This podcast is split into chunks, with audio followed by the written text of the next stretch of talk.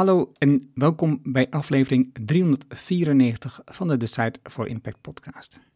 Je leert van ondernemers en ondernemende mensen die bijzondere resultaten bereiken, welke besluiten om hier te komen, wat ze doen, de strategie en hoe ze klanten krijgen. Mijn naam is Erno Hanning en ik deel mijn opgedane kennis, ervaringen en expertise met jou.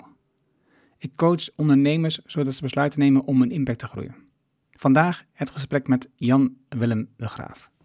Jan Willem houdt zich bezig met de vraag hoe wij, individuen, ondernemers en ondernemingen, ons gedrag zo kunnen aanpassen dat we het netto resultaat van al onze menselijke activiteiten kunnen transformeren van niet volhoudbaar naar volhoudbaar.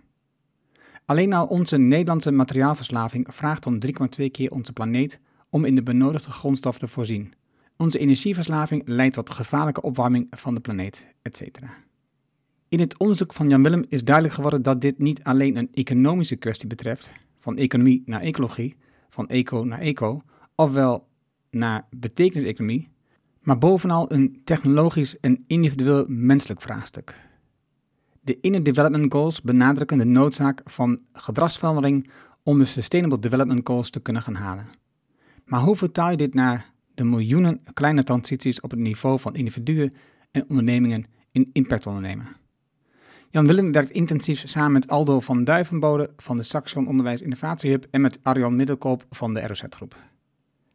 Dit is een super gaaf gesprek. Het is lang, maar wat heb ik veel geleerd.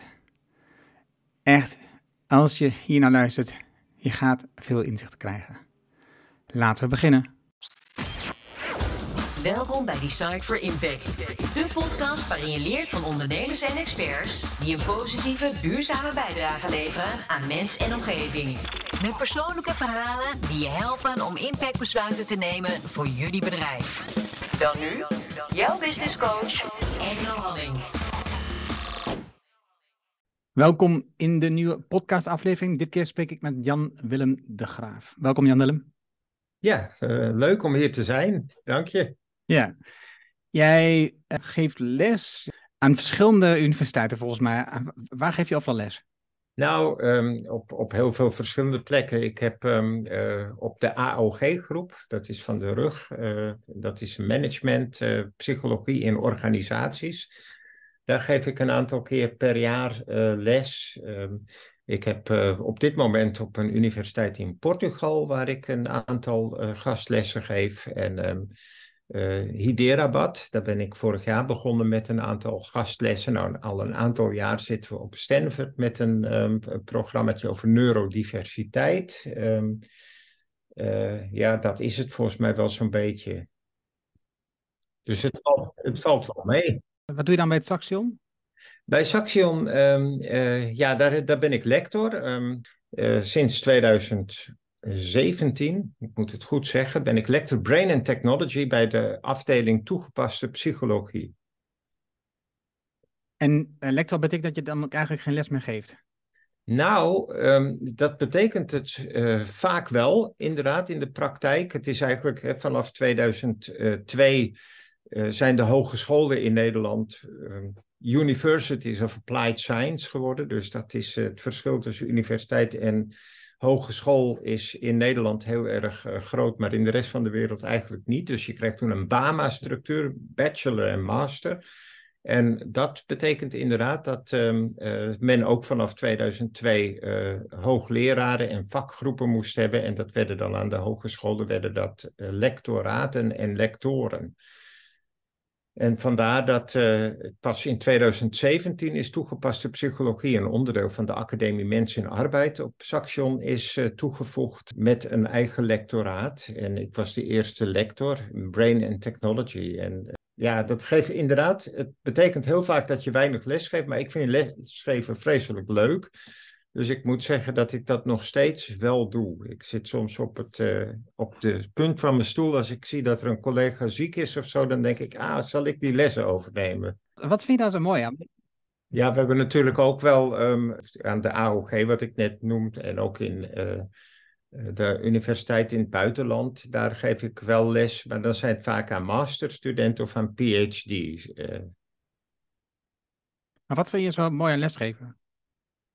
Ja, ik vind het ontzettend leuk als ik zie dat jonge mensen echt heel erg gedreven zijn. En ik geloof dat mensen die voor toegepaste psychologie kiezen, zijn andere mensen, voor mij, in mijn gevoel, dan, uh, dan een heleboel andere studenten. Het zijn mensen die, die zien dat het met de wereld niet goed gaat, dat er heel veel dingen veranderd moeten. Hè, dat, de milieuproblemen, biodiversiteit die afneemt. En die denken van, goh, hè, misschien ook hun eigen geluk. Vanaf 2010 is het zo dat er eigenlijk wereldwijd meer mensen aan zelfdoding uh, ten onder gaan dan aan uh, gewelddadige doden door ongelukken van verkeer of, of oorlogen. En dat, dat is um, zeker in de westerse wereld geldt dat. Um, en ja, dat, dat is iets dat zit mensen dan dwars. Hè. Ze voelen zich soms in hun eigen jeugd een beetje buitengesloten of, of niet, niet helemaal begrepen. En dan zoeken mensen soms naar begrip van zichzelf, van de wereld om zich heen. En een deel daarvan kiest dan voor toegepaste psychologie. En ik vind het verschrikkelijk leuk om dan met mensen bezig te gaan en, en na te denken over goh, hoe zouden we naar een volhoudbare wereld uh, kunnen komen.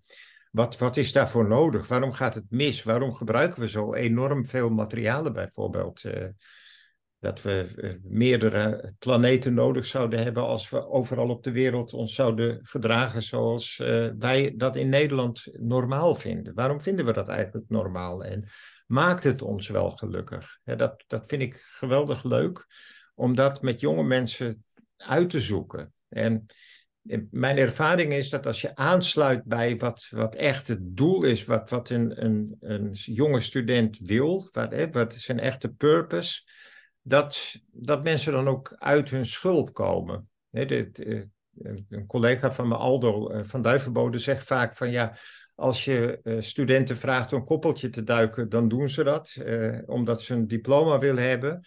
Maar eigenlijk zijn het allemaal jonge mensen die gedreven zijn om iets in de wereld te betekenen, iets in hun eigen leefwereld te betekenen.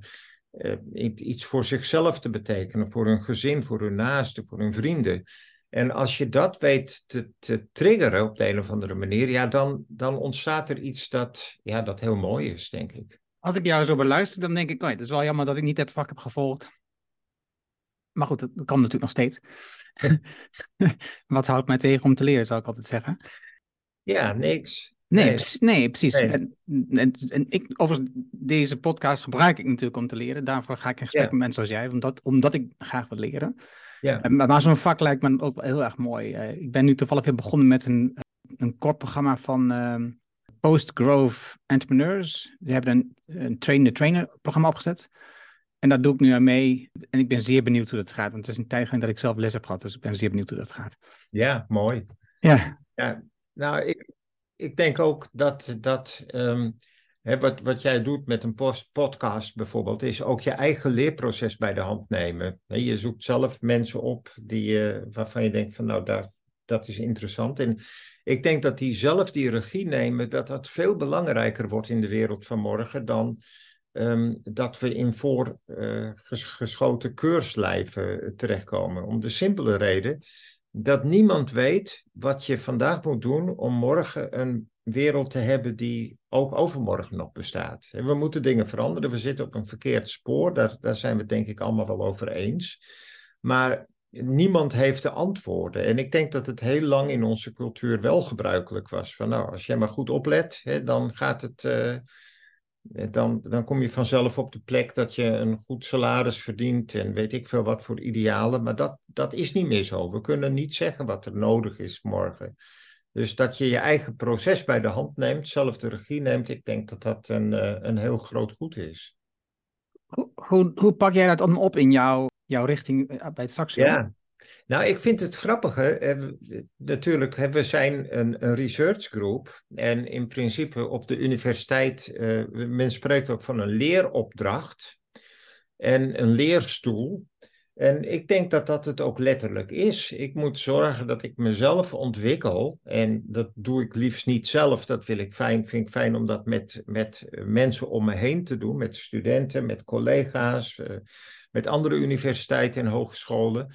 Maar het is wel jouw opdracht. En mijn opdracht is Brain and Technology. Dat komt omdat ik zelf een achtergrond heb in uh, neuropsychologie en artificial intelligence. En ja, dan ligt dat best wel voor de hand. De, je moet vaak altijd even uitleggen waarom uh, artificial intelligence en psychologie veel met elkaar te maken hebben.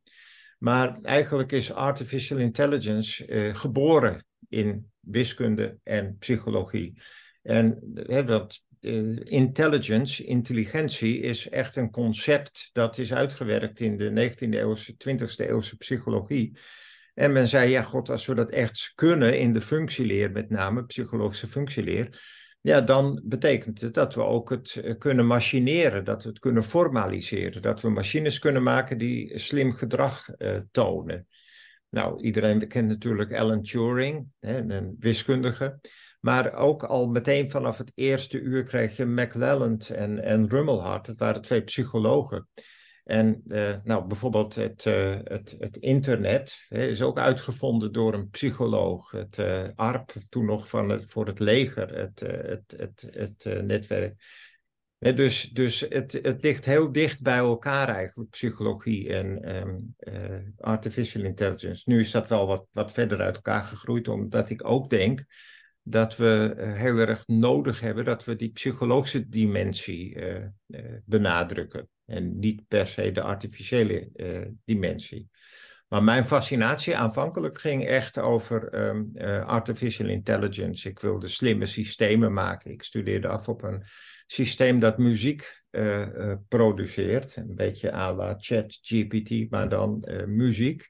En dan niet met het hele internet waar je informatie vandaan haalde, maar het moest op een.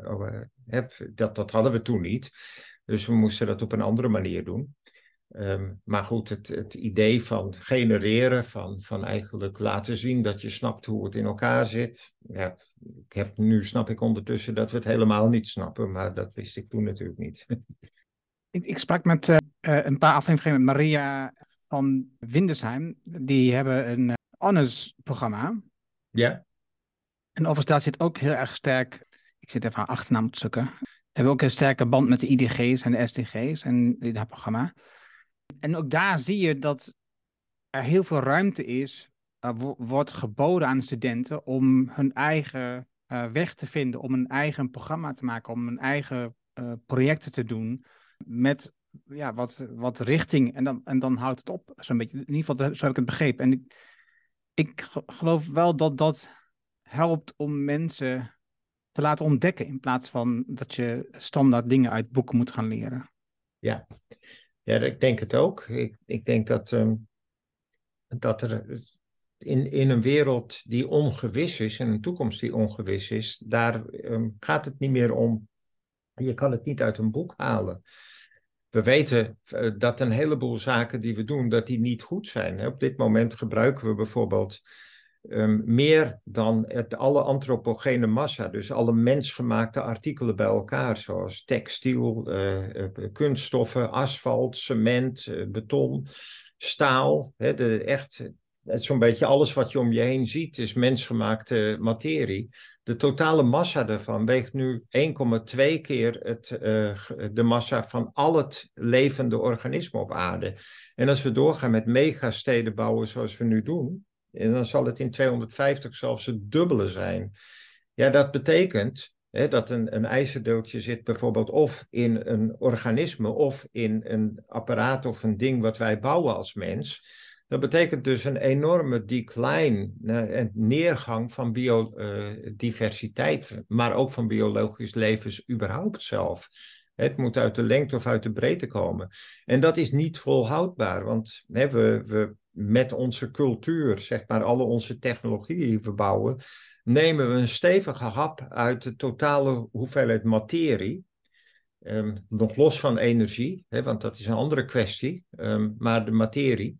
En ja, dat, dat, dat betekent uiteindelijk dat, dat dus, hè, wat sommige mensen uh, hard zeggen, bijvoorbeeld uh, Godfrey Reggio, we zijn in oorlog met de ecologie. En ja, aangezien we zelf ook net zo goed tot die ecologie, tot die natuur behoren, ook onze menselijke natuur bijvoorbeeld, is dat onhoudbaar. En hoe we dat keren, wat we moeten doen morgen, dat weten we niet. Dus dat kunnen we studenten ook niet vertellen. We kunnen wel studenten laten zien dat, dingen wat, wat mensen ook wel weten. Ik spreek vaak van de Greta Thunberg-generatie. men, men, juist jonge mensen weten het heel goed. En wat we dan kunnen doen is met elkaar kijken van, nou ja, wat kunnen we veranderen? Hoe kunnen we een andere kant uitgaan? En misschien ook kijken van, ja, waar ligt nou, waar ligt nou het, het, het, accent in het probleem? En ik wijk een beetje af, moet ik zeggen, van veel van mijn collega's. Dat veel van mijn collega's die, um, die komen van een economische achtergrond. Ik kom van een technische achtergrond. En misschien is dat ook wel wat typerend, maar ik zie technologie als het grote probleem, zeg maar de olifant in de kamer. Terwijl um, veel van mijn collega's, um, bijvoorbeeld Kees Klomp, die zeggen ja, het probleem is economie. we moeten naar een betekeniseconomie. Terwijl ik denk dat, dat hij daar volkomen gelijk in heeft, dat, dat we naar een betekeniseconomie moeten. Maar niet dat dat het hoofdprobleem is. Ik denk dat economie een epifenomeen is van het probleem. Nou, dit soort dingen kan je heel goed met studenten samen uitzoeken, uitvogelen. Hoe zit dat nou en waarom zou? Even gisteren kreeg ik de vraag nog, zat ik in een, een, een prachtige sessie met studenten en docenten van toegepaste eh, psychologie. En dat ging over de, um, de, de Theory U van, uh, en, en van Scharmer, Otto Scharmer van MIT. En um, toen vroegen de studenten, ja, waarom is nou technologie het probleem? Weet je? En dan komt dat gesprek op. En dan zeggen mensen na verloop van tijd, ja, hé, hey, verdorie, als je er zo naar kijkt. En ik denk dat dat het beste is wat we kunnen doen op het moment. Perspectieven geven op, op de wereld. De wereld proberen met elkaar uit te leggen, begrijpelijk te maken. En niet zozeer om uh, te stellen van ja, zo is het dus. Want ik denk dat de kennis ontzettend uh, beperkte houdbaarheidsdatum heeft uh, op dit moment die we ontwikkelen. Maar wel om te kijken of we toch handvatten kunnen, kunnen vinden om de volgende stap te zetten. Want dat moet sowieso. Hè. De, de tijd loopt door. Grappig dat ik nu bedenk, ik had toch liever bij jou aan tafel gezeten hadden het even over gehad dat ik, of ik naar jou zou komen. En nu, nu ik in het gesprek ben begonnen, denk ik, ik had echt naar jou moeten gaan. Bedenk ik me nu. Dat gaan we later een keer opnieuw doen. Wat mij betreft. Maar als ik nu kijk naar jouw um, educatieve achtergrond, dat je zo gespecialiseerd bent in de technologie, met natuurlijk psychologie, is het op zijn minst, zeg maar zacht gezegd, eigenaardig dat jij nu zegt dat technologie het grootste probleem is waarschijnlijk. Ja, dat, dat is het ook. En ik merk zelf ook wel dat dat uh, lastig is. Ik merk onder technologen, um, die begrijpen me meestal wel. Um, en, en ik heb zelfs in mijn uh, kenniskring en netwerk uh, aardig wat ingenieurs zitten die, die dat ook ondersteunen. Maar juist, um, uh, in, ik, ik, zit een beetje in twee, misschien zelfs wel drie werelden. De economie aan de ene kant. als je kijkt naar bijvoorbeeld Academie Mensen en Arbeid, dan is dat HRM en uh, toegepaste psychologie. Nou, HRM hoort toch, het, het, woord zegt het al, human resource, alsof de mens een productiemiddel is, wat je, waar je van alles mee kan doen. Dus dat zit echt aan de economiekant.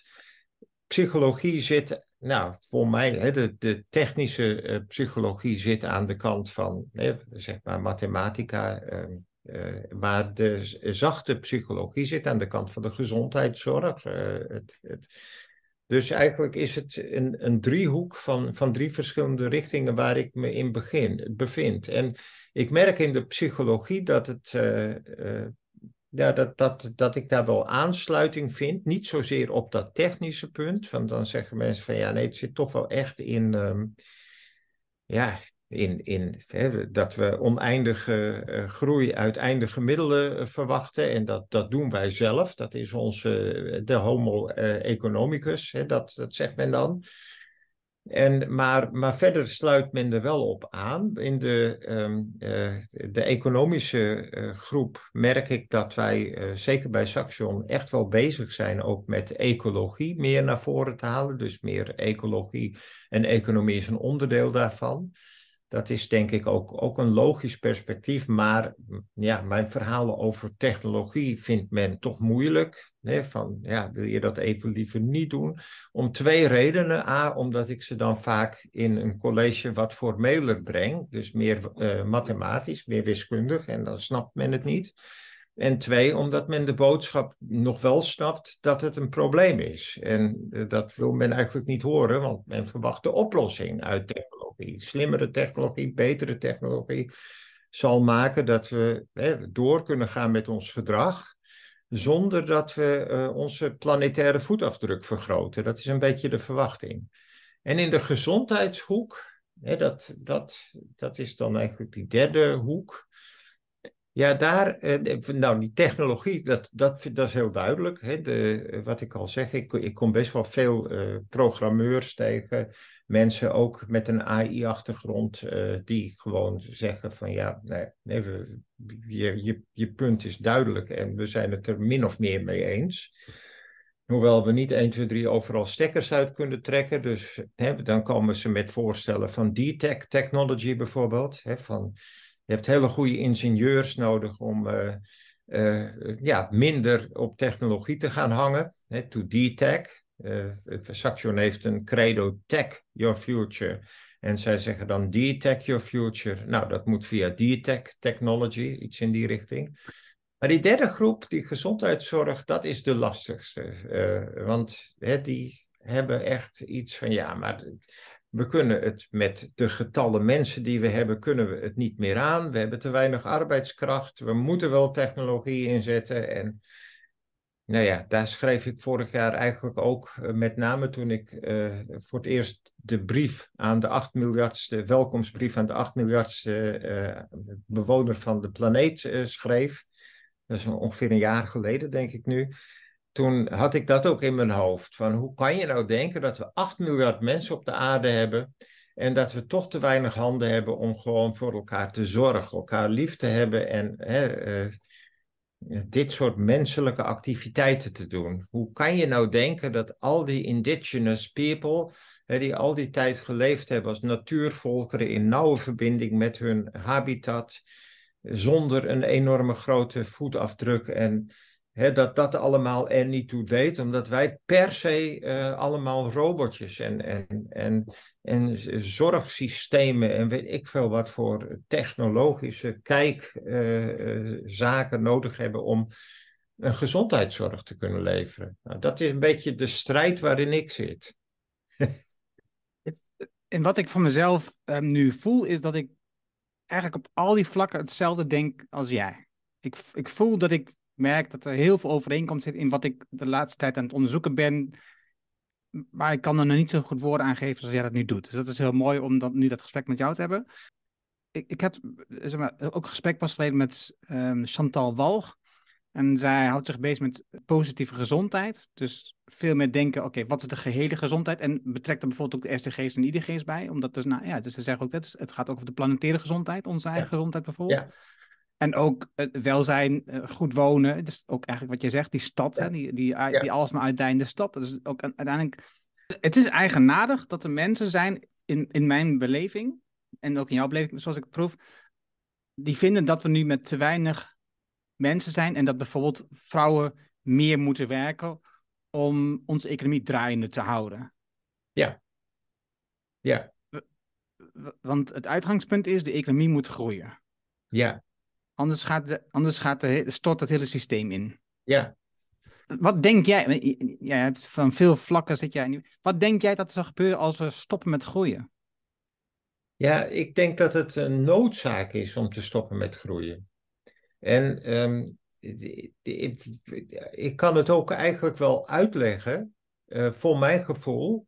Um, maar ik kan het eigenlijk alleen wiskundig uitleggen. En dat maakt het lastig. Um, als je, eh, ik, ik wil het wel pro proberen zoals ik het zie.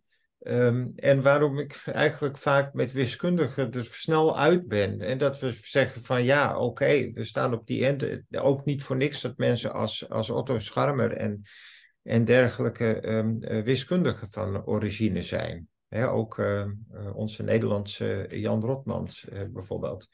Ik, ik, vanuit een wiskundig standpunt is het haast niet te begrijpen dat we dit niet snappen. En als ik probeer om dat uh, uit te leggen, moet je een heel klein beetje geduld hebben met me. Want ik, ik, ik heb geduld, kom maar op. Ik, als je de metafoor van de stad neemt, hè, de, ik heb daar laatst een, een, een column over geschreven.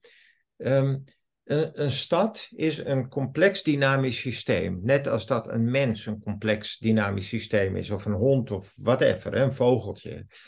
En um, het bijzondere is, als we een duurzaam, uh, duurzame wereld hebben waar we op uit zijn, um, een volhoudbare wereld, dan is dat alles behalve sustainable in de letterlijke zin van, van het, uh, de, beteken, de letterlijke betekenis. Want in de letterlijke betekenis is het leven op de maan sustainable. Nou kan je zeggen, er is geen leven. Nee, dat is precies het punt. Want leven is in principe een opstand, een bestand tegen um, uh, entropie. Entropie wil zeggen dat, dat complexiteit uiteenvalt en dat het uiteindelijk tot een soort stabiliteit komt, een equilibrium. En op de maan heb je dat min of meer. er gebeurt niet veel. De dingen die er gebeuren, die blijven zoals ze zijn. En ja, op een hele lange tijdschaal, als je elke, elke 10.000 jaar één foto maakt en dan heb je misschien miljarden uh, jaren overstrekt, dan zie je dat het ook niet helemaal stilstaat. Dat er ook nog steeds entropie, dus het uiteenvallen van orde naar een energetisch minder uh, een minimum, hè, dus de balans komt in het systeem. Dat, dat gebeurt daar ook, maar voor onze tijd en voor waar wij kijken is de maan stabiel en wij niet. We willen ook geen stabiliteit, want we zijn gek op de natuur. We zijn onderdeel van de natuur. We groeien. Hè? We worden geboren. We worden, het zijn complexe systemen die steeds groter worden. Maar alles wat wij doen, um, is ook uh, uh, complexe systemen bouwen. Bijvoorbeeld in onze samenlevingen bouwen we steden. En steden moeten weer resources aantrekken. En, en om de een of andere manier om die resources aan te trekken, dat zijn voor steden bijvoorbeeld mensen die er naartoe gaan, moeten ze concurreren met andere steden. En een stad heeft dus een intrinsieke uh, reden, net als ieder complex systeem, zelfs een, een draaikolk is dat in, in, in het water. Het, het heeft een intrinsieke neiging om groter te worden en groter te worden, totdat het niet verder kan en dan valt het uiteen. En dat is voor een stad ook zo. Die trekt mensen aan en die mensen die doen van alle mogelijke dingen. En in principe om aantrekkelijk te zijn, moet de output van die stad, hetgene wat het oplevert, moet ook de moeite waard zijn. En dat is bijvoorbeeld technologische innovatie, economische innovatie, nieuwe beroepen die er ontstaan, nieuwe infrastructuren, uh, mode en, en culturele activiteiten. Dat zijn, zijn de aspecten die de stad eigenlijk als totaal geheel oplevert. Die zorgt dat het uh, zijn metabole proces, om e de energie die het nodig heeft om een stad te blijven, dat het daartoe mensen aantrekt. En als je, een, uh, als je goed gaat kijken, dan zie je dat ook daadwerkelijk. Als je een stad hebt, zoals als Londen, dan zie je dat het looptempo in Londen hoger ligt dan het looptempo in uh, Deventer, bijvoorbeeld. En dat, dat, dat straalt, hè, dat, dat is in, in Santa Fe heeft men dat mathematisch helemaal uitgewerkt. Je kan eigenlijk precies het metabole proces terugvinden in de componenten die erin zitten. En bijvoorbeeld die innovatiefactor, waar ik het net over had, hè, die zes punten, uh, uh, nieuwe technologieën, nieuwe economie, nieuwe beroepen, dat soort dingen, die ligt boven de één. Hè, wat we kennen, dat corona, uh, de R-factor. Nou, dat is, is voor een stad ook zo. Wil de stad blijven aantrekken, concurreren met andere steden, moet dat boven de één liggen. En dat is niet iets omdat economen vinden dat dat zo moet, maar dat is simpel omdat die stad een magneet is. Een magneet in een natuurlijk systeem. De natuur zit vol met dit soort magneten, wat ik net al noem, een, een draaikolk, een waterkolk. En dat is de, de leer die ze noemt de dynamische systeemtheorie. Dat is een wiskundig model die dat precies kan beschrijven, hoe dat in elkaar zit. En ja, soms krimpt een stad. bijvoorbeeld na de val van de, uh, Berlijnse muur zag je dat, dat een aantal steden niet meer aantrekkelijk gevonden werden en leegliepen. En dan kan een stad zelfs verdwijnen. Maar in het algemeen ehm, is, is, is een stad, hè, heeft het een, een intrinsieke motivatie, die heeft niet meer met mensen te maken om te groeien. Dus die groeifactor, die stad, dat is een, een groot stuk technologie. Want ik zie technologie als alles dat mensen ondernemen om hun omgeving aan te passen aan hun eigen beperkte ehm, eh, ecologische mogelijkheden. Omdat simpelweg de ecologische mogelijkheden van mensen beperkt zijn tot een paar duizend vierkante kilometer op onze planeet. We zijn een naakte aap. We hebben vergeleken met de vijf andere, vier andere mensapen, hebben we veel minder speerkracht. We hebben veel minder lichaamsbeharing.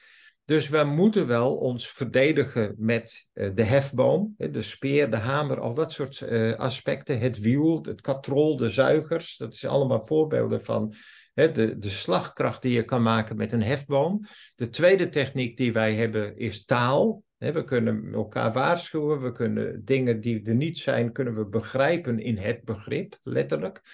En, en nou, taal is natuurlijk ook rechtspraak geworden, uh, wiskunde en nu computertaal. Hè, dat is eigenlijk zijn dat formeel, een, een formeel systeem om te communiceren. En de derde techniek die we tot ons beschikking hebben is het vuur. En dat werd natuurlijk ook magnetisme, waterkracht, stoomkracht, elektriciteit en uh, uh, kernkracht. maar in principe, die krachten, die, hebben wij tot onze beschikking om de wereld aan te passen aan onze beperkte aanpassingsvermogen. Dus die, dat, dat, is, dat is een mooi iets wat de natuur heeft opgeleverd. Maar de, de aanpassingen die wij maken leiden, net als alle andere biologische systemen, uh, leiden uh, gewoon hun eigen leven. Net als waterkolken, zandbergen, noem het allemaal maar op. En dat leven, dat is nou precies hetgene wat ons uit balans slaat. We willen niet de aarde vernietigen. We willen eigenlijk niet varkens zo verschrikkelijk, die zo vreselijk veel op ons lijken. Evolutionair gezien is het, is het haast onze halfbroer en zus, hè, een, een varken. Uh, en, en toch sluiten we ze op in kleine hokken, uh, stampen we ze in elkaar tot fabrieken, industrialisatie. Hè. Het, het, het is iets afschuwelijks en dat wil eigenlijk niemand, maar we doen dat niet omdat we geld willen verdienen of misschien zijn er mensen die geld willen verdienen en, en dat soort zaken willen. Maar de eerste uh, reden dat we het doen is puur een uh, complex systeemeigenschap. Uh, en daar zit hem die technologische, dat technologische primaat in. Nu heb ik het heel erg langs de lijn van uh, complexe systeemtheorie neergelegd. Je kan het natuurlijk ook um, neerleggen hè, langs ergens, want, want natuurlijk hebben alle natuur, heel, ja nee, praktisch ieder natuurvolk doet hetzelfde. He, gebruikt ook taal. Taal hadden we al voordat we mens waren. Homo sapiens uh, krijgt taal al door van voorgangers van Homo sapiens. En uh, dat geldt ook voor, voor gereedschappen, die met name de hefboom uh, weergeven.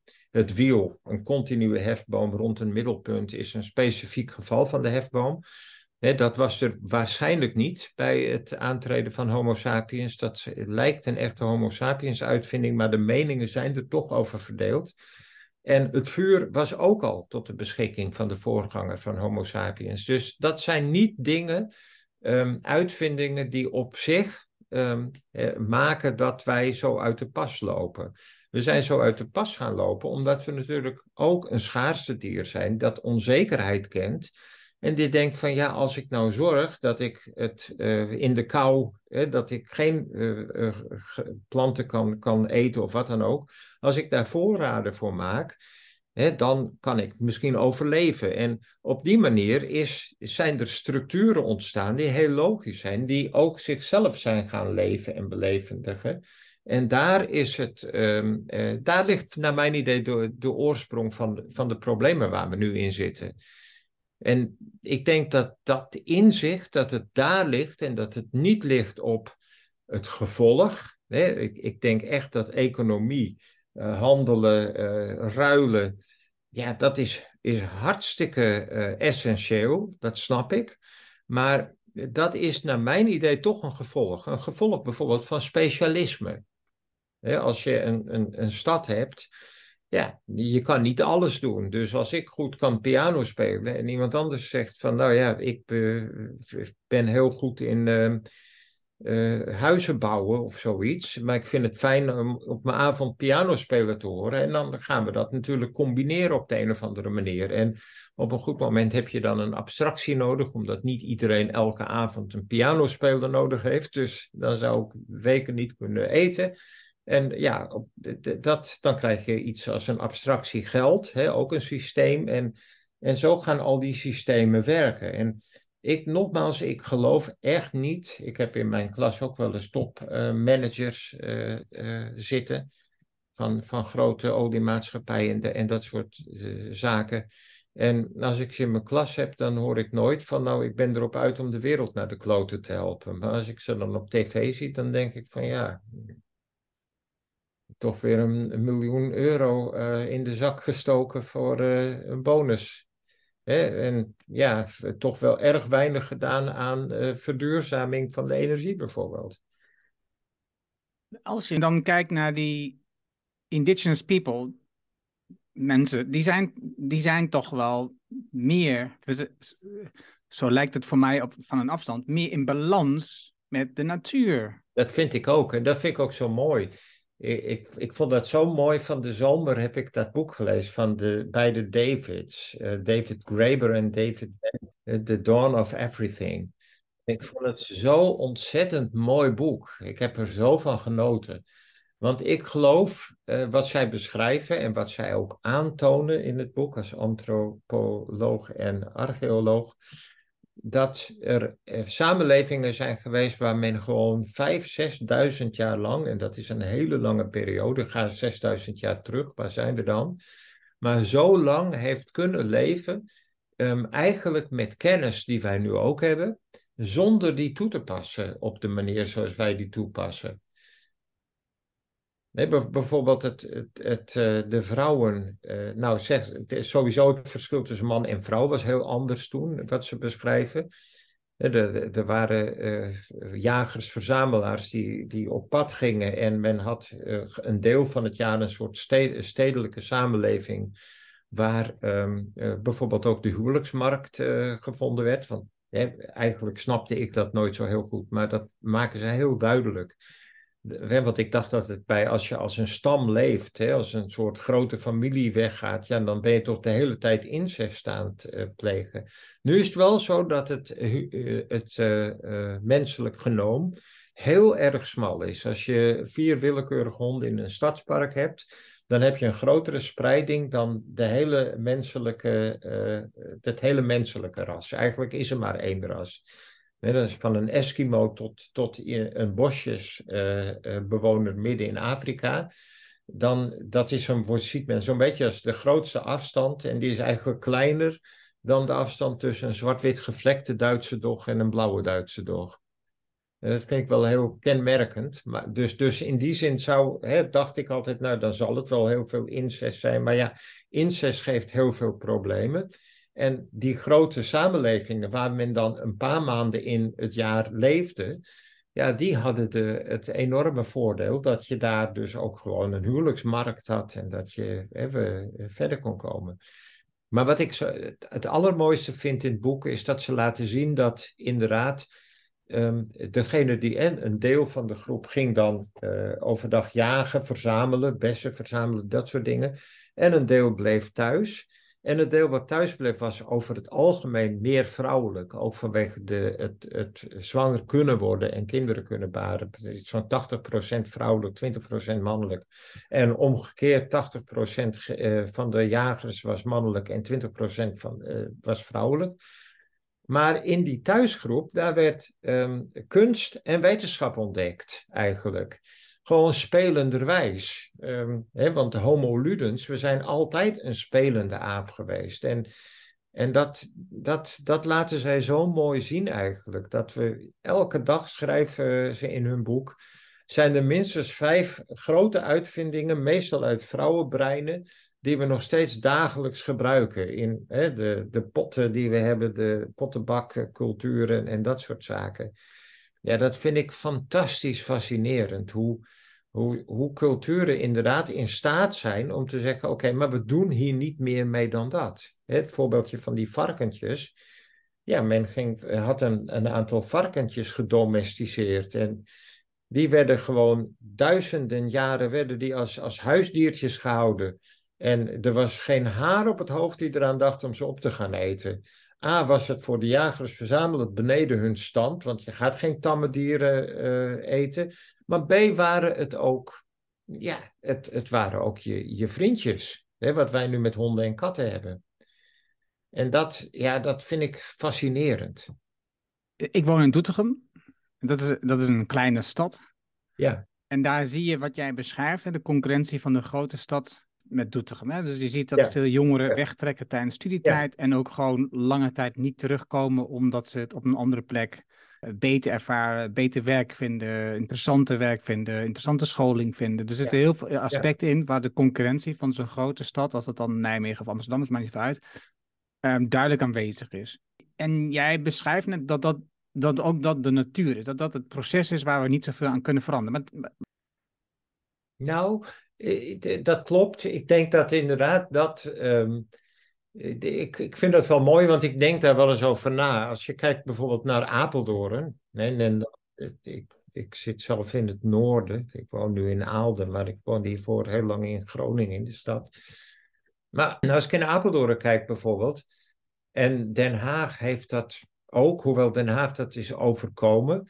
Eh, je kan een stad bedenken top-down. Ik, ik, begrijp, ik ben geen geschiedkundige, dus ik kan er heel erg naast zitten. Maar ik, ik lees dan wel eens wat. En dan begrijp ik dat uh, Leiden en uh, Delft uh, graag allebei het bestuurscentrum van Nederland wilden worden, ergens in de Gouden Eeuw of zo. En dat op een goed moment dan um, uh, ja, men daar niet uitkwam en dat men toen bedacht heeft van we gaan Den Haag ertussenin zetten. Nou, zo denk ik dat Apeldoorn heel erg zo'n stad is die, ja, hè, dat ligt het meest centraal, als zometeen het klimaat helemaal uit de hand loopt, ligt het mooi aan zee. dus dan is het naar Engeland uh, de kleinste stap die je kan maken. En uh, nou, dat is natuurlijk een grapje, maar bij wijze van spreken. Um, maar op de een of andere manier, ik, het zeggen van dit is mijn bestuurscentrum, hier gebeurt het. Ja, je kan de bedrijven naartoe brengen, maar een stad heeft, um, het is net als een nieuwbouwwijk, die kan je in één keer neerzetten, maar dan, dan zit er nog geen leven in. En soms heb je een wijk zoals het Soester kwartier in Amersfoort of, of Notting Hill in Londen.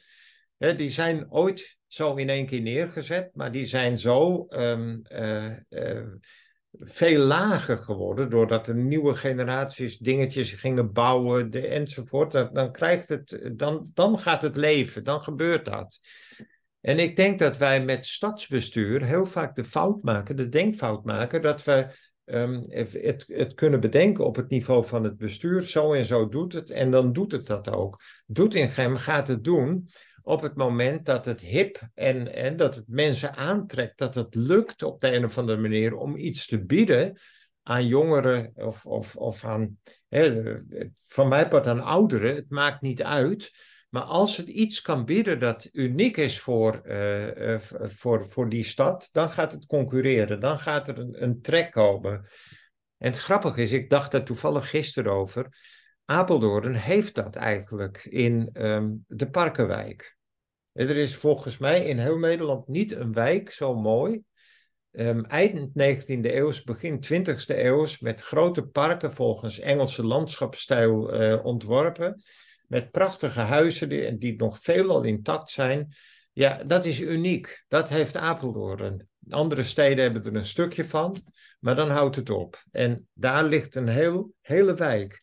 Alleen het probleem daarvan is dat dat een kwalitatieve trekker is en niet een kwantitatieve trekker. Want de mensen die je naar zo'n wijk trekt, ja, die moeten voldoende geld hebben, middelen om daar te komen. Dus op dit moment uh, is zo'n stad nog niet in staat om die aantrekkracht te hebben om werkelijk op te botsen tegen Deventer, misschien zelfs tegen Zutphen, terwijl het in inwonersaantallen veel, veel en veel groter is. En dit soort aspecten, die spelen allemaal als je van dat systeemperspectief uit gaat kijken naar steden. Ik denk wel dat je wat kan doen. Ik denk ook dat je wat moet doen. En um, de, de, de metabole processen van zo'n grote stad, hè, als, wij, als wij dit niet in de hand krijgen als mensheid, dan zullen er, uh, we hebben nu 43 steden in Nederland die groter zijn dan 10 miljoen uh, inwoners. Uh, in de wereld, zei ik. Ik zei niet in Nederland, hoop ik. Nee, volgens mij zijn we de wereld, ja. ja. ja.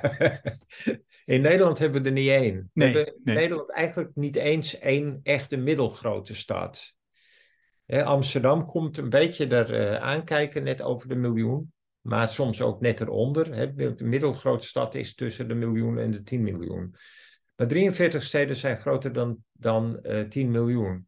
Maar als we doorgaan in uh, eh, 2050, zullen dat er waarschijnlijk al 100 zijn. En in, uh, 23, in 22, 2100, ik moet niet te snel gaan, uh, dat, loopt enorm uit de pas. En dat kan simpel niet vanwege de materialisatie van die steden.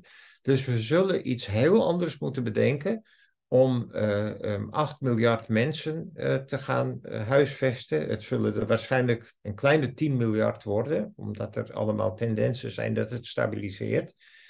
Maar dat, dat kan. Hè, qua voeding en dergelijke kan het allemaal ruimschoots. Mits we ophouden met de waanzin dat iedereen continu vlees moet eten. Maar uh, dat, dat, hè, dat zijn dingen die zijn te regelen. Maar die, die steden, hè, de materialisering, um, eigenlijk ook al het ongeluk dat we uh, veroorzaken met, hè, we veroorzaken, dit zijn de systemen die, dat, die een eigen leven leiden wat dus natuurlijk is, hè, dat is die systeemtheorie waar we het net over hadden. we, we zullen moeten leren om die systemen te vertragen.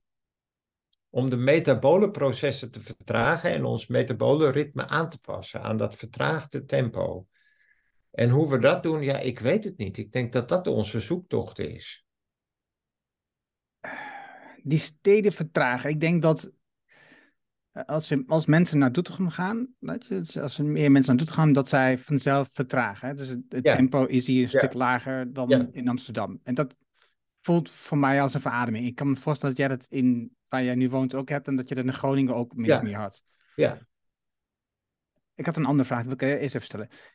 Er zijn nu, wat je net zei, meer zelfdodingen dan op andere manieren uh, mensen um, doodgaan. Hè?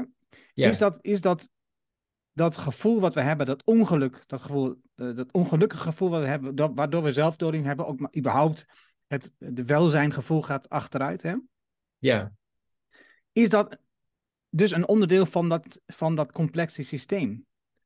Ja, ik denk het wel. Ik denk dat um, uh, onze verbinding met elkaar, uh, die, is, um, die is verslechterd. We zijn heel erg veel. Um, een, een, technicus uh, uh, waar, waar ik veel mee omga, een, een natuurkundige, um, Ruud Steltenpool, die zegt het altijd heel mooi. Die zegt van wij zijn um, hersenen aan een beeldscherm geplakt. Dat is eigenlijk onze eerste uh, zijnslaag geworden. En dat zijn we natuurlijk helemaal niet. daar komen die IDG's ook om de hoek. We zijn veel meer dan dat. We zijn eh, in verbinding met elkaar. We hebben een tribaal eh, bewustzijn als, als mens. Dat, dat, daar moeten we toegang toe hebben. En dat proberen we nu met uh, virtuele connectie. Uh, ja, dat, natuurlijk, dat bewustzijn van ons doet ook van alles. Dus dat zoekt ook naar die verbinding. En dat doen we ook via het internet.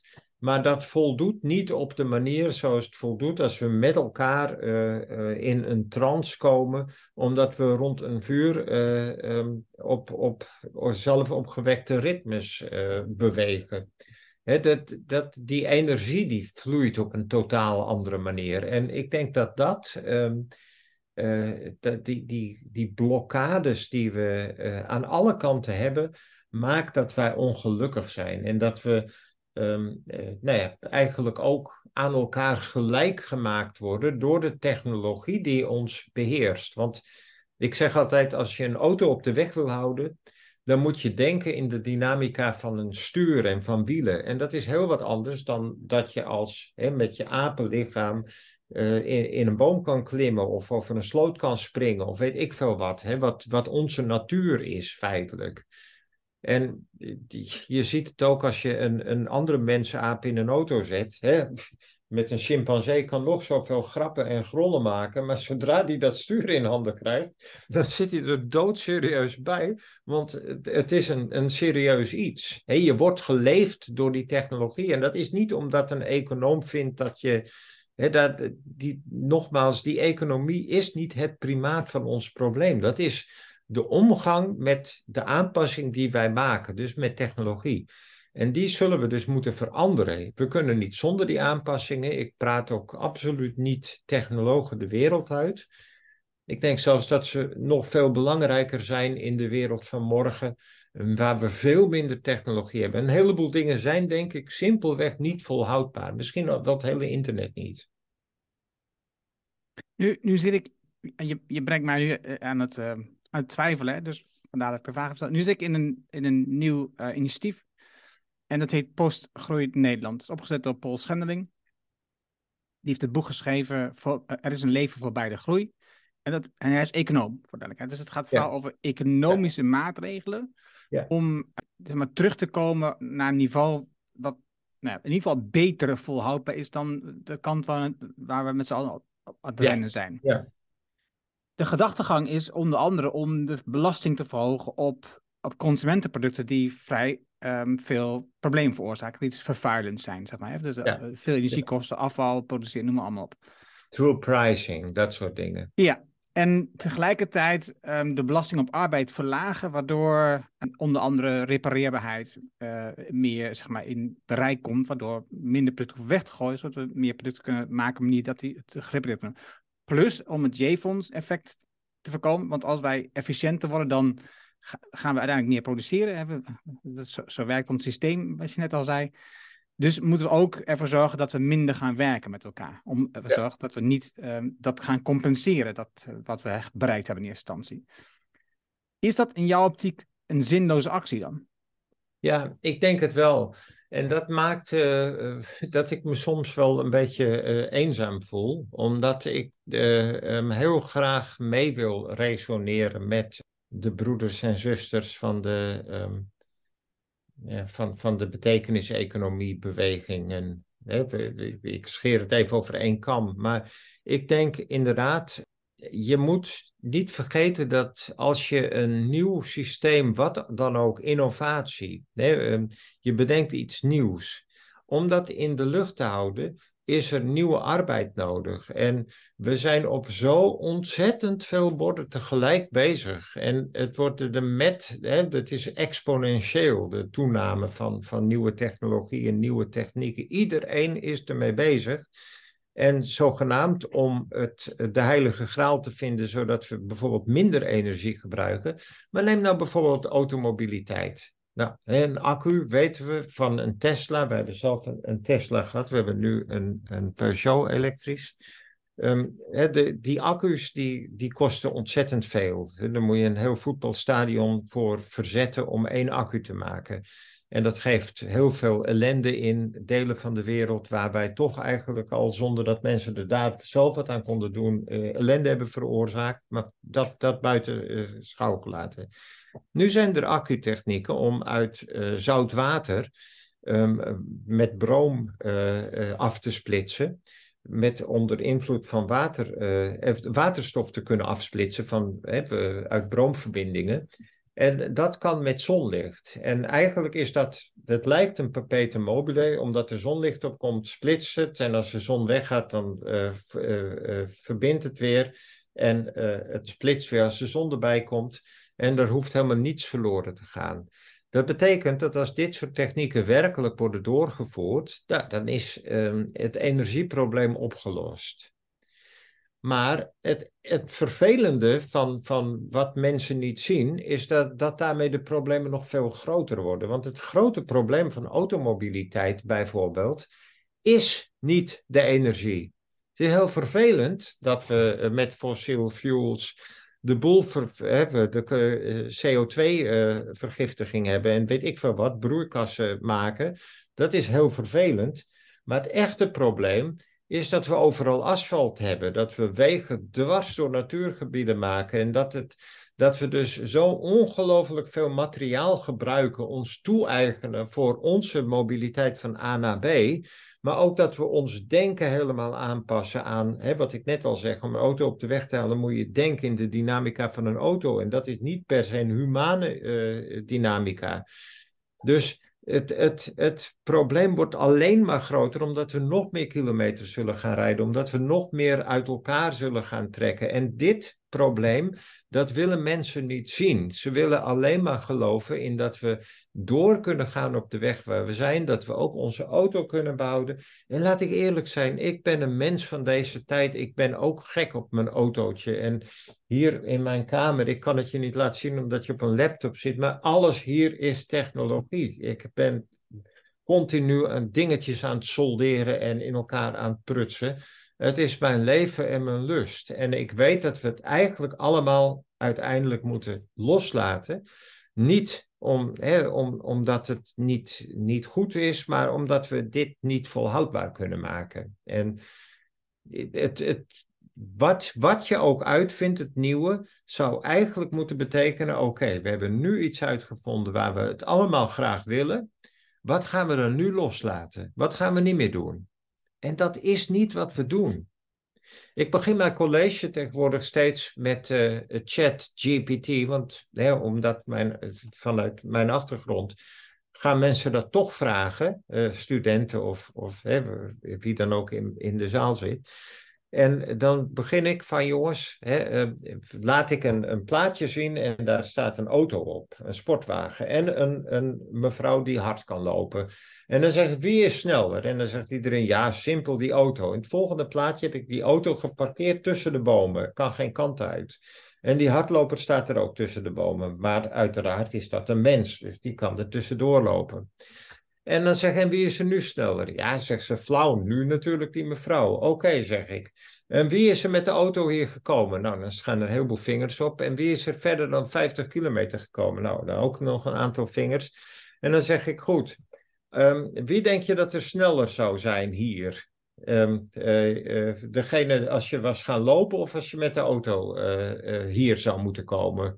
Ja, met de auto natuurlijk. Dan zeg ik, nou, het, daar zie je al hoe bekrompen wij denken. Want dat betekent dat je die auto op de parkeerplaats uit elkaar zou moeten schroeven. Stukje voor stukje hier het gebouw in moest tillen. De roltrap op, weet ik veel wat, in de collegezaal komen. Hem weer monteren. Ik denk dat je al 60 keer heen en weer was gelopen, die 50 kilometer. En dat is precies de denkfout die we maken. Wij passen alles aan aan um, de, we passen ons eigen denken, onze cognitie, die hartstikke flexibel is, aan, aan de uh, rigide systemen die wij maken met onze technologie. En, en dan beslissen we dat die technologie sneller is dan ons, of dat uh, ChatGPT beter kan denken dan ons ja, weet je, als je het eerst helemaal hebt voorbereid dat denken langs deze weg op die manier gaat, ja, natuurlijk kan je dan een systeem maken die dat beter kan. Dat, is, dat is helemaal niet zo, zo spannend, maar het is helemaal niks. Artificial intelligence bestaat feitelijk niet. Artificial bestaat en intelligence bestaat, maar ze zijn niet verenigbaar. Weet je, dat, dat, dat is een, een, een essentiële denkfout, naar mijn idee, die, die wij steeds maken, waardoor we dat belang blijven leggen op die economie. En ik wil ook echt niet zeggen dat het niet zinvol is om hebben we true pricing, wat jij net, nou jij noemde net dat die, die post-growth. Ik denk dat er, dat er heel veel dingen in zitten die hartstikke goed zijn, die ons ook helpen de ogen te openen. Maar zolang we niet de olifant in de kamer zien, blijft het um, uh, dweilen met de kraan open. Putting out the fire with gasoline was een mooi liedje van David Bowie. En ik vind dat, dat eigenlijk een ontzettend toepasselijke titel. Want dat is feitelijk wat we continu doen, naar mijn idee. Dit is een worsteling waar ik ook mee zit. Hè? Dus als je kijkt, je zegt net, dus als we meer technologie zijn, dan moeten we ook tegelijkertijd een keuze maken om dingen niet meer te doen. Ja.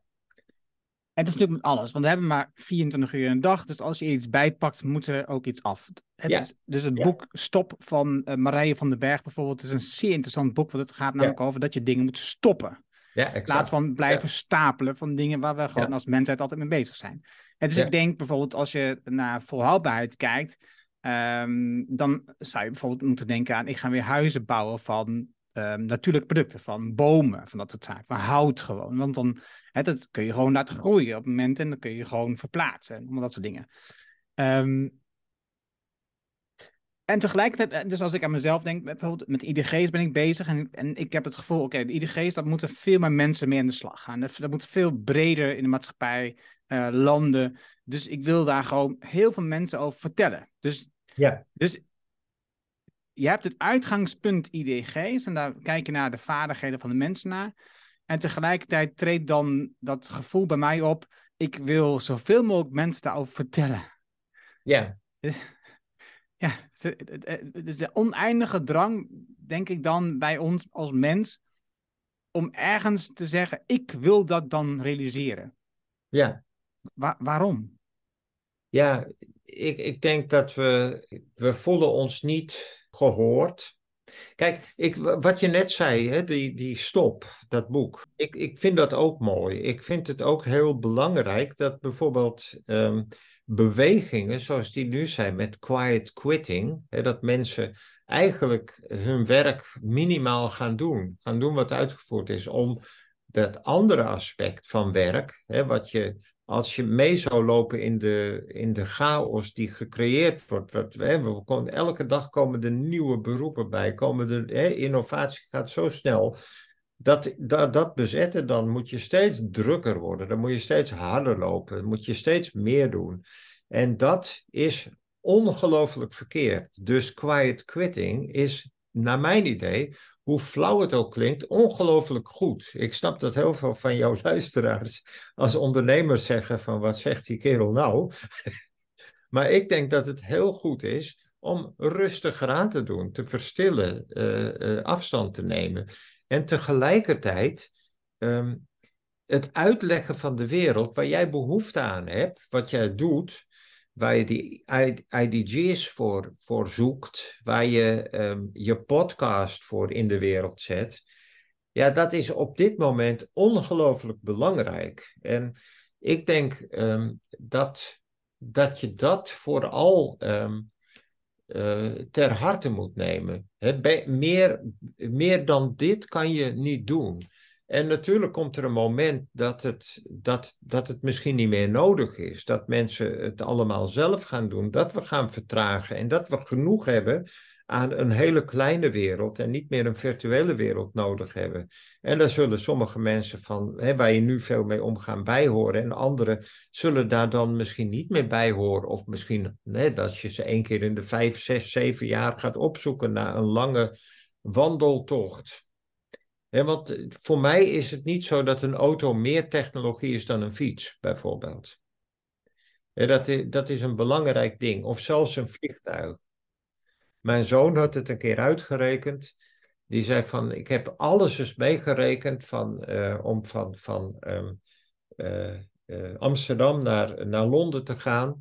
En wat denk je dat er op nummer 1 staat? Nou, dat was natuurlijk gewoon lopen. Hè dan moest je nog wel een bootje op en dat soort dingen. Maar um, uh, nummer twee was niet een, een, trein of iets dergelijks. Want staal, want accu's die enorm verspindelen, hè, die, die door moeten draaien en weet ik veel wat. En hij had alles bijgenomen. Verkeersongelukken, verzekeringskwesties, alles gewoon mee doorgerekend. En op nummer twee kwam een dieselbus die goed gevuld was. En op nummer drie kwam een bepaald type Boeing-vliegtuig. Um, omdat je in de lucht geen infrastructuur nodig hebt. En infrastructuur is enorm bepalend. Dus als je echt een true pricing doet. Kijk, als het is om technologie uh, aan de kaart te stellen. Te zeggen van nou, ik laat hiermee zien dat technologie. Um, dat, dat, dat, dat het niet is wat het lijkt. Maar mensen die dat economische standpunt innemen, kijken vaak maar naar één of twee dingen tegelijk en niet naar het hele plaatje.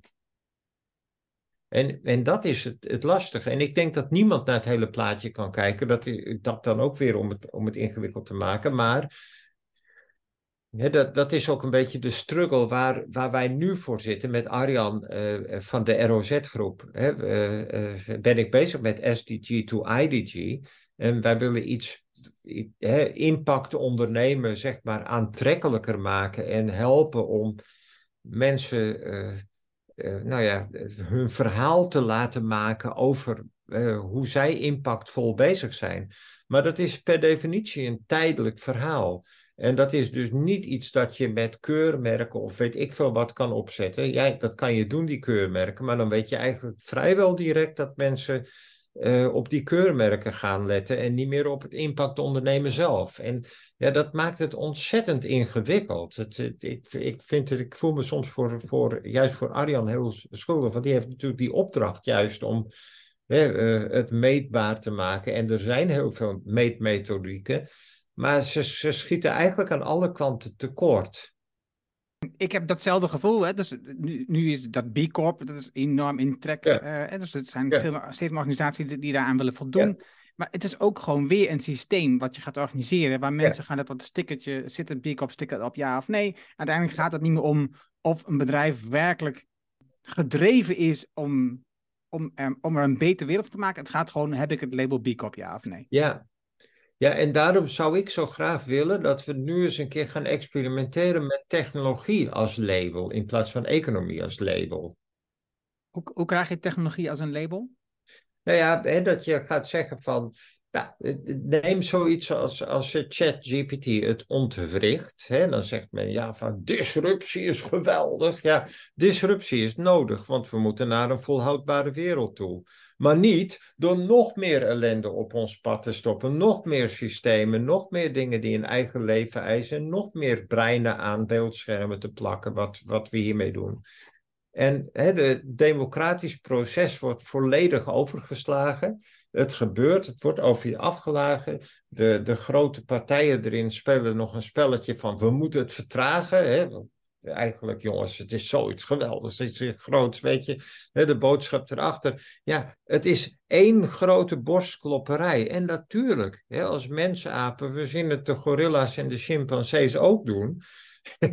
en de bonobo's, onze naasten wij doen dat ook. Dat ligt in onze natuur. Dat is niet economie, dat is onze natuur. We slaan ons op de borst. Dus we vinden dat. Het feit dat we naar de maan vliegen, naar Mars willen vliegen, dat is hetzelfde. Ja, natuurlijk. En, en het is niet erg dat we dat doen. Maar we moeten zien dat het probleem ligt in de technologieën, die veel te groot en veel te veel omvattend zijn. Dat we ons daar veel te veel op hebben verlaten en dat die ons leven eigenlijk zijn gaan overnemen. Ik heb vanmorgen mijn blog heb ik um, uh, ook geschreven. Die gaat helemaal over um, uitbesteden. Eigenlijk is ons hele systeem in de westerse wereld dat je zo hoog mogelijke scholing moet hebben. Hè, het onderscheid tussen hoog en laag vind ik al een naar onderscheid, maar vooruit mm. mogelijke scholing. Opdat je zoveel mogelijk kan uitbesteden. Dat andere mensen de dingen voor je kunnen doen. Dat andere mensen je lasten kunnen dragen. En dan wil je dat eigenlijk niet zien, want eh, de, de comments zijn niet meer zichtbaar. Die hebben we weten te onttrekken aan een, een directe aanspreekcultuur.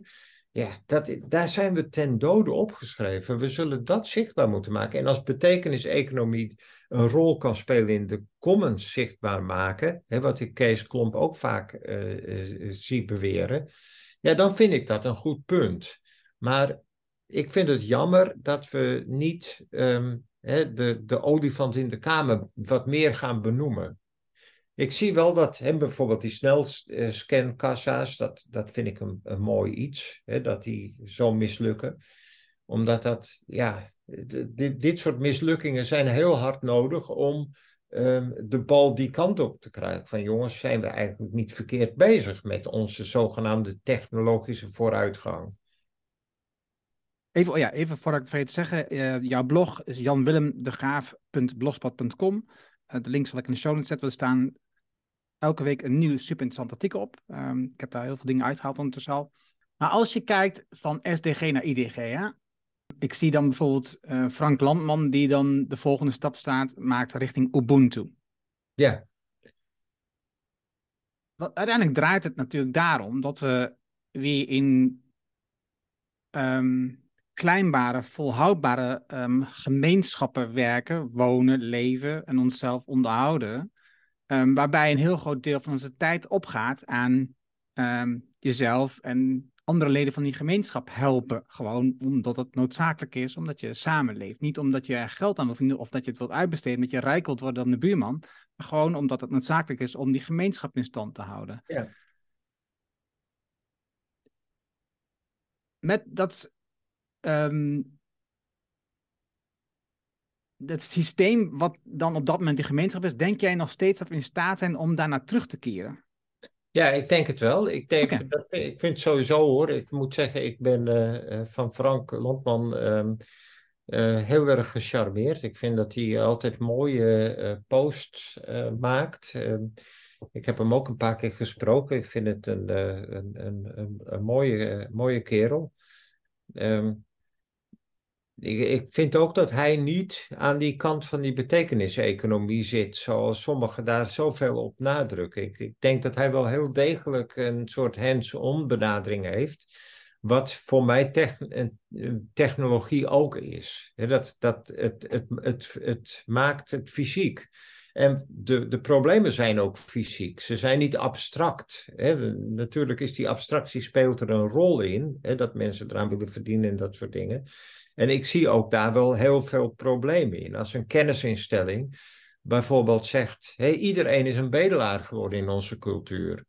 Nee, ik moet bedelen om uh, onderzoekssubsidie te hebben. Terwijl ik denk, wat een flauwekul. We hebben een, een, een universiteit of een hogeschool, er komt geld binnen. We hebben studenten, we hebben docenten, we hebben kennis. We kunnen met elkaar uh, er zijn voor het veld om ons heen. En ik hoor nu bijvoorbeeld van, van ondernemers uit, uh, uit, uit Twente, um, die zeggen van ja, uh, ik heb eigenlijk helemaal geen zin meer om mee te doen met al die onderzoeksprojecten. Want ja, ik moet continu aanwezig zijn bij subsidietrajecten. Dan zet ik een handtekening en vervolgens hoor ik er nooit meer wat van. En vier jaar later komt er een rapport uit. En eigenlijk met vier vingers in mijn neus kon ik van tevoren al zeggen dat dat er ongeveer uitkwam. Ja, weet je, dat is een werkelijkheid waarin we allemaal een soort voet tussen de deur moeten zetten overal. Terwijl, ja, ik denk dat je juist als je lector of, of hoogleraar uh, wordt, dan word je dat omdat je een bepaalde kennis hebt. En niet omdat je heel goed bent om je hand, voet tussen de deur te zetten. Maar ja, dit soort denken, dat moet je veranderen. En ik, ik zie in um, uh, die IDG, IDG-beweging, zie ik dat, dat de, naar mijn idee, het scherpste van alles wat ik gezien heb, het probleem tackelt. Namelijk, we kunnen um, de SDG's uh, aanpakken. Nou, ik vind dat, dat, dat hartstikke mooi. Um, ik vind de SDG's een heel goed iets, maar ze zijn wel uit 2015. Ze zijn waarschijnlijk in 2012 uh, al, al geschreven voor een heel groot deel. En de wereld is gewoon heel erg veranderd. Economic growth, hè, bijvoorbeeld uh, work and economic growth. Ja, dat zou je nu zeggen sustainable work and well-being. Of misschien wel sustainable work and degrowth. Dat, dat, en dat geldt eigenlijk voor alles. Poverty nummer één meteen. Ja, dan, dan zeg je van monetair definiëren we rijkdom. En iedereen moet rijk zijn. Nou, natuurvolkeren die in hartstikke harmonie met hun omgeving leven, die zijn rijker dan dat wij ooit zullen worden. En, en dat, het is heel erg vanuit één gedachte en van een onhoudbare gedachte. En wat nou die IDG's doen, die zeggen van stop, de manier waarop je in de problemen gekomen bent, is niet de weg waarmee je uit de problemen komt. Dat is een fundamenteel anders iets. We moeten een andere manier van denken. We moeten het niet hebben dat we wachten op nieuwe technologie die het probleem wel weer even voor ons oplost. Maar we moeten kijken naar onszelf, naar ons eigen zijn, naar ons eigen denken, naar onze eigen relatie met anderen. En ik denk dat daar, ehm, ja, dat, dat is volgens mij de allerbelangrijkste boodschap die we op dit moment kunnen hebben. En ik zie ook bij de IDG-beweging, eh, ik had er met, met Erika uh, over laatst. Um, de, je ziet juist in, in die IDG-beweging dat ook heel veel mensen vanuit meer native eh, people, eh, native uh, achtergronden, zich ertoe aangetrokken voelen. En ik denk dat wij ook heel veel van hun kunnen leren. Het is een gevecht in mijzelf, merk ik heel veel. Het is, dus ik merk, ik heb voor mezelf schrijf ik regelmatig op, weet je, als ik 30.000 heb aan inkomen, heb ik gewoon meer dan genoeg. Ja als je dat in de wereld verkondigt, dan, dan krijg je meestal, uh, nou ja, nou, nou, even positief zijn, niet zulke goede reacties daarover. Nee. En wat jij zegt, er zijn natuurlijk een heleboel inheemse volkeren die, hadden, die hebben gewoon geen geld en die zijn rijker dan wij. Ja, ja. En ik denk ook dat het daarin zit. Het, de gedachtegang zit niet in welvaart, maar zit in welzijn. Hè? Dus het, het, gaat over dat, je, dat je de dingen doet waardoor je je goed voelt. En ik heb bijvoorbeeld laatst een gesprek met, nou, eh, wat ik al zei, met Chantal Walg, maar ook met bijvoorbeeld Elske Doets over pensioen. Ja. Dat je, dat je toewerkt naar je pensioen is in mijn, in mijn gedachtenwereld een eigenaardig iets. Want Als, je, als je toch doet wat je, waardoor je welzijn um, op een bepaald niveau is, waardoor je gelukkig bent, waarom zou je er dan mee stoppen? Wat is, daar, wat, is daar, wat is daar de noodzaak van om mee te stoppen? Want daar kun je gewoon mee doorgaan, denk ik altijd. En, en, en welzijn wordt bepaald natuurlijk door bijvoorbeeld dat, wat je zegt, dat je mensen ontmoet, dat je samen bent, dat je uh, danst rond een vuur of um, samen aan het werk bent om een probleem op te lossen, ja. wat, wat dat maar mogen wezen. Ja, dat, dat is volgens mij ook zo.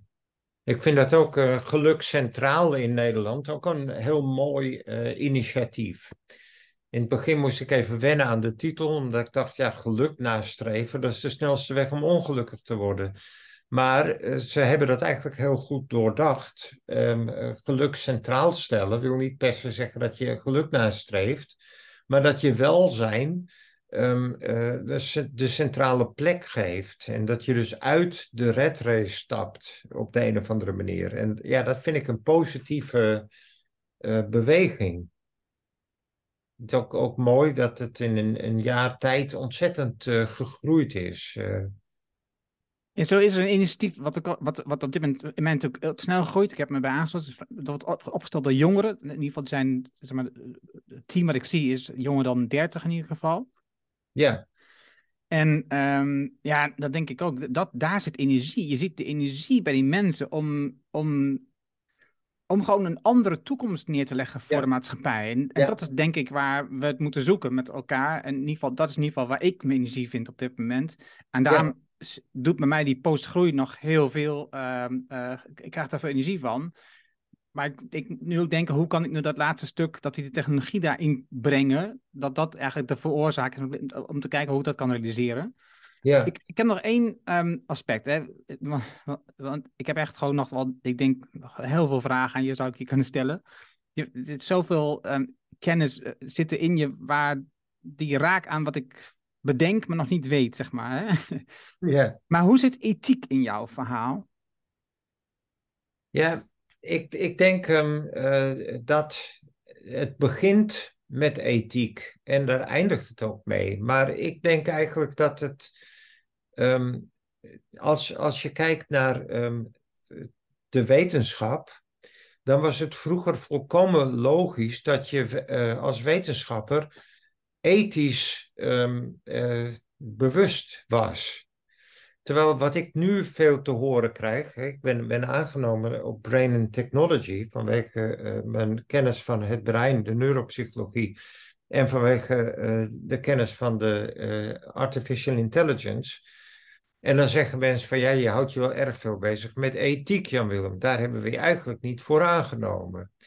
En dan denk ik van ja, ehm, ik denk dat het niet anders kan. Als je iets maakt wat iets doet met mensen, waar mensen iets mee doen, maar wat ook iets doet met mensen, dan, hebben we, dat, dan, dan heeft dat gevolgen voor. Uh, nou, neem, nu de hele chat-GPT. We gaan nu een, een internet krijgen dat helemaal volgestort wordt met zelfgegenereerde teksten. En dat, dat devalueert de waarde van, van uh, mensgeschreven teksten. Het maakt misschien ook mensgeschreven teksten moeilijk leesbaar, omdat um, jij een soort collectieve Jip en Janneke uh, uh, stijl krijgt. Nou, dit het, eigenlijk een, een snelweg. Natuurlijk ga je sneller van A naar B, zolang die gedefinieerd liggen op die snelweg. Maar als ze er buiten liggen, ja, dan wordt het onbereikbaarder. En, en dit soort um, aspecten zijn ethisch van aard. En ik denk dat ze ook politiek van aard zijn, in de zin van dat ook een politiek daar wat mee zou moeten. Ik vind het verschrikkelijk om te zien, hè, ik, als ik mensen van de politiek tegenkom, um, of, dan, dan, dan ontmoet ik eigenlijk steeds um, uh, ja, prima mensen. Of, ze nou van, van de Partij van de Dieren, van het CDA of van de VVD zijn of, of van, van D66. Het, het maakt niet uit. Het zijn altijd goede mensen als ik ze spreek. Um, en met, met goede intenties. Maar collectief kunnen ze geen, geen, geen deuk in een pak boter eh, slaan. En de, en de reden daarvoor is natuurlijk simpel, want dat zijn die complexe systemen. Wij hebben niet door dat die complexe systemen ons leven. En we, we denken dat we daar invloed op uit kunnen hebben. Dat we kunnen bedenken wat Apeldoorn uh, moet worden. En misschien wordt Apeldoorn ooit de grootste stad van Nederland. Het zou heel goed kunnen. Maar het, dat gebeurt in ieder geval niet omdat we het bedenken. En, en dat Den Haag toch een van die hele grote steden is geworden, ja, dat is, is, is best wel een wonder. Ik was uh, met mijn vrouw een paar maanden geleden in Vlissingen, uh, bij Middelburg-Vlissingen. En dat, dat zijn ook eh, hele grote steden geweest in het verleden van, van Nederland. Ja, die zijn duidelijk heel erg uh, uh, weer, weer achtergebleven bij, bij nieuwe ontwikkelingen. En waarschijnlijk is er geen stad in, op de, in, in Europa zelfs, wat het in de kaart van, ehm, of, of als, als het door zou gaan zoals het gaat, wat natuurlijk niet kan, maar dan zal er waarschijnlijk geen stad in Europa meekomen. Met de megasteden die zich nu ontwikkelden.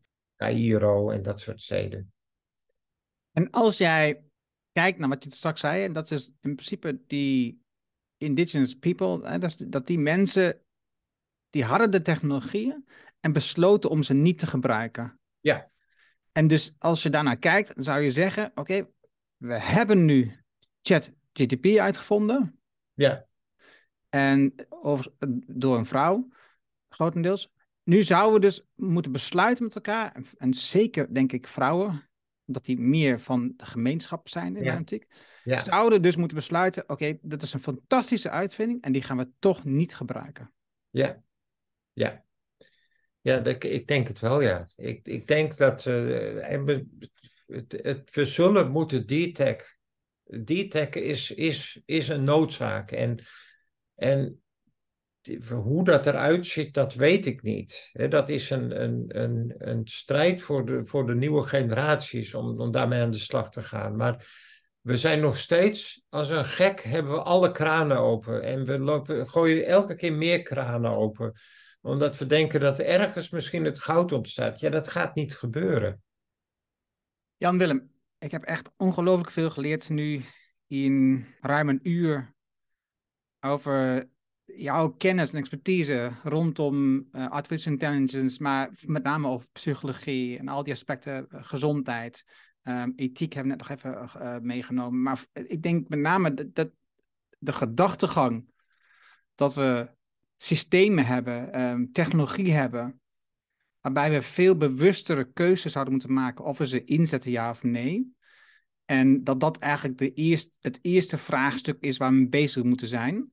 En dat de IDG's, hè, dus als je kijkt naar bijvoorbeeld intelligentie, uh, lange termijn denken, uh, um, je innerlijk kompas, uh, moed verzamelen, al die dingen die erin zitten, hè, dus die vaardigheden, dat die de sleutel zouden kunnen zijn naar die toekomst waar we op zoek zijn, waarbij we onszelf weer vinden en na, keuzes kunnen maken over wat vinden we nu belangrijk voor de toekomst en wat doen we niet meer. Waar, in de woorden van Marije, waar stoppen we mee? Ja, ja ik denk het ook. Ik, ik vind dat misschien als, als afsluiting een heel mooi verhaaltje van Graeber en Wen in The Dawn of Everything. Daar beschrijft ze een indianenstam in uh, Native um, uh, America, waarin um, men het wiel doorgeeft aan volgende generaties in kinderspeelgoed. Dus men maakt iets van karretjes als kinderspeelgoed, maar men gebruikt het wiel zelf niet. En het is natuurlijk uh, een beetje een, een gok waarom dat is. En zij speculeren daarover en meer dan dat kan ook niet, want uh, um, de stammen zijn uitgemoord en um, meer dan, dan wat er gevonden is, is er niet gevonden. Maar zij speculeren dat het is van uh, de kennis willen we eigenlijk dat je wel hebt. Dat als je een continue hefboom rond een middelpunt wil gebruiken, dan kan dat. Dan is het uh, ter beschikking. Maar het is aan elke nieuwe generatie om te kiezen hoe je um, uh, kennis wel of niet gebruikt. Dat is een hele mooie afzetting. Dankjewel Jan Willem. Dankjewel, tot de volgende keer. Dat was het mooie gesprek met Jan Willem. Je vindt de namen en links die we noemden in het artikel dat bij deze uitzending hoort. Ga daarvoor naar decideforimpact.com slash show 394. Wil je vanzelf automatisch de volgende aflevering van deze podcast op je telefoon ontvangen? Dat kan heel eenvoudig. Heb je een iPhone, dan zit daar standaard de Apple Podcast app op. Open die app, zoek op de Decide for Impact podcast en klik op abonneer. Oh ja, en zet het vinkje aan dat je de aflevering wilt downloaden, want anders krijg je ze nog niet. Heb je een Android-telefoon, installeer dan eerst bijvoorbeeld de Player FM app. Open die app, zoek op de Decide for Impact podcast en klik op abonneer. Dankjewel hiervoor. Heb je een vraag, opmerking, reactie over deze aflevering met Jan Willem of over de podcast in het algemeen? Stuur dan een e-mail naar podcast.decideforimpact.com. Ik hoor super graag van jou. Wil je leren hoe je focus en energie vindt met jouw innerlijke kompas? Hoe verbinding in je team het verschil maakt? Hoe je vertrouwen krijgt in je collega's en hoe je een moedig mens wordt? Download dan het boek Impact Besluiten waarmee je nieuwe medewerkers aantrekt op decideforimpact.com. Dit is mijn nieuwste boek en je downloadt het dan helemaal gratis. Je hebt zelfs geen e-mailadres nodig. Mijn nieuwste boek is gratis en vraag het daarom nu aan. Je vraagt jouw boek aan op decideforimpact.com. En ik weet, je hebt een volle agenda, je leest het in één avond tijd. Dankjewel voor het luisteren en graag tot de volgende. Dankjewel voor het luisteren naar deze aflevering van de Decide for Impact podcast. Ga voor jouw volgende stap naar decideforimpact.com.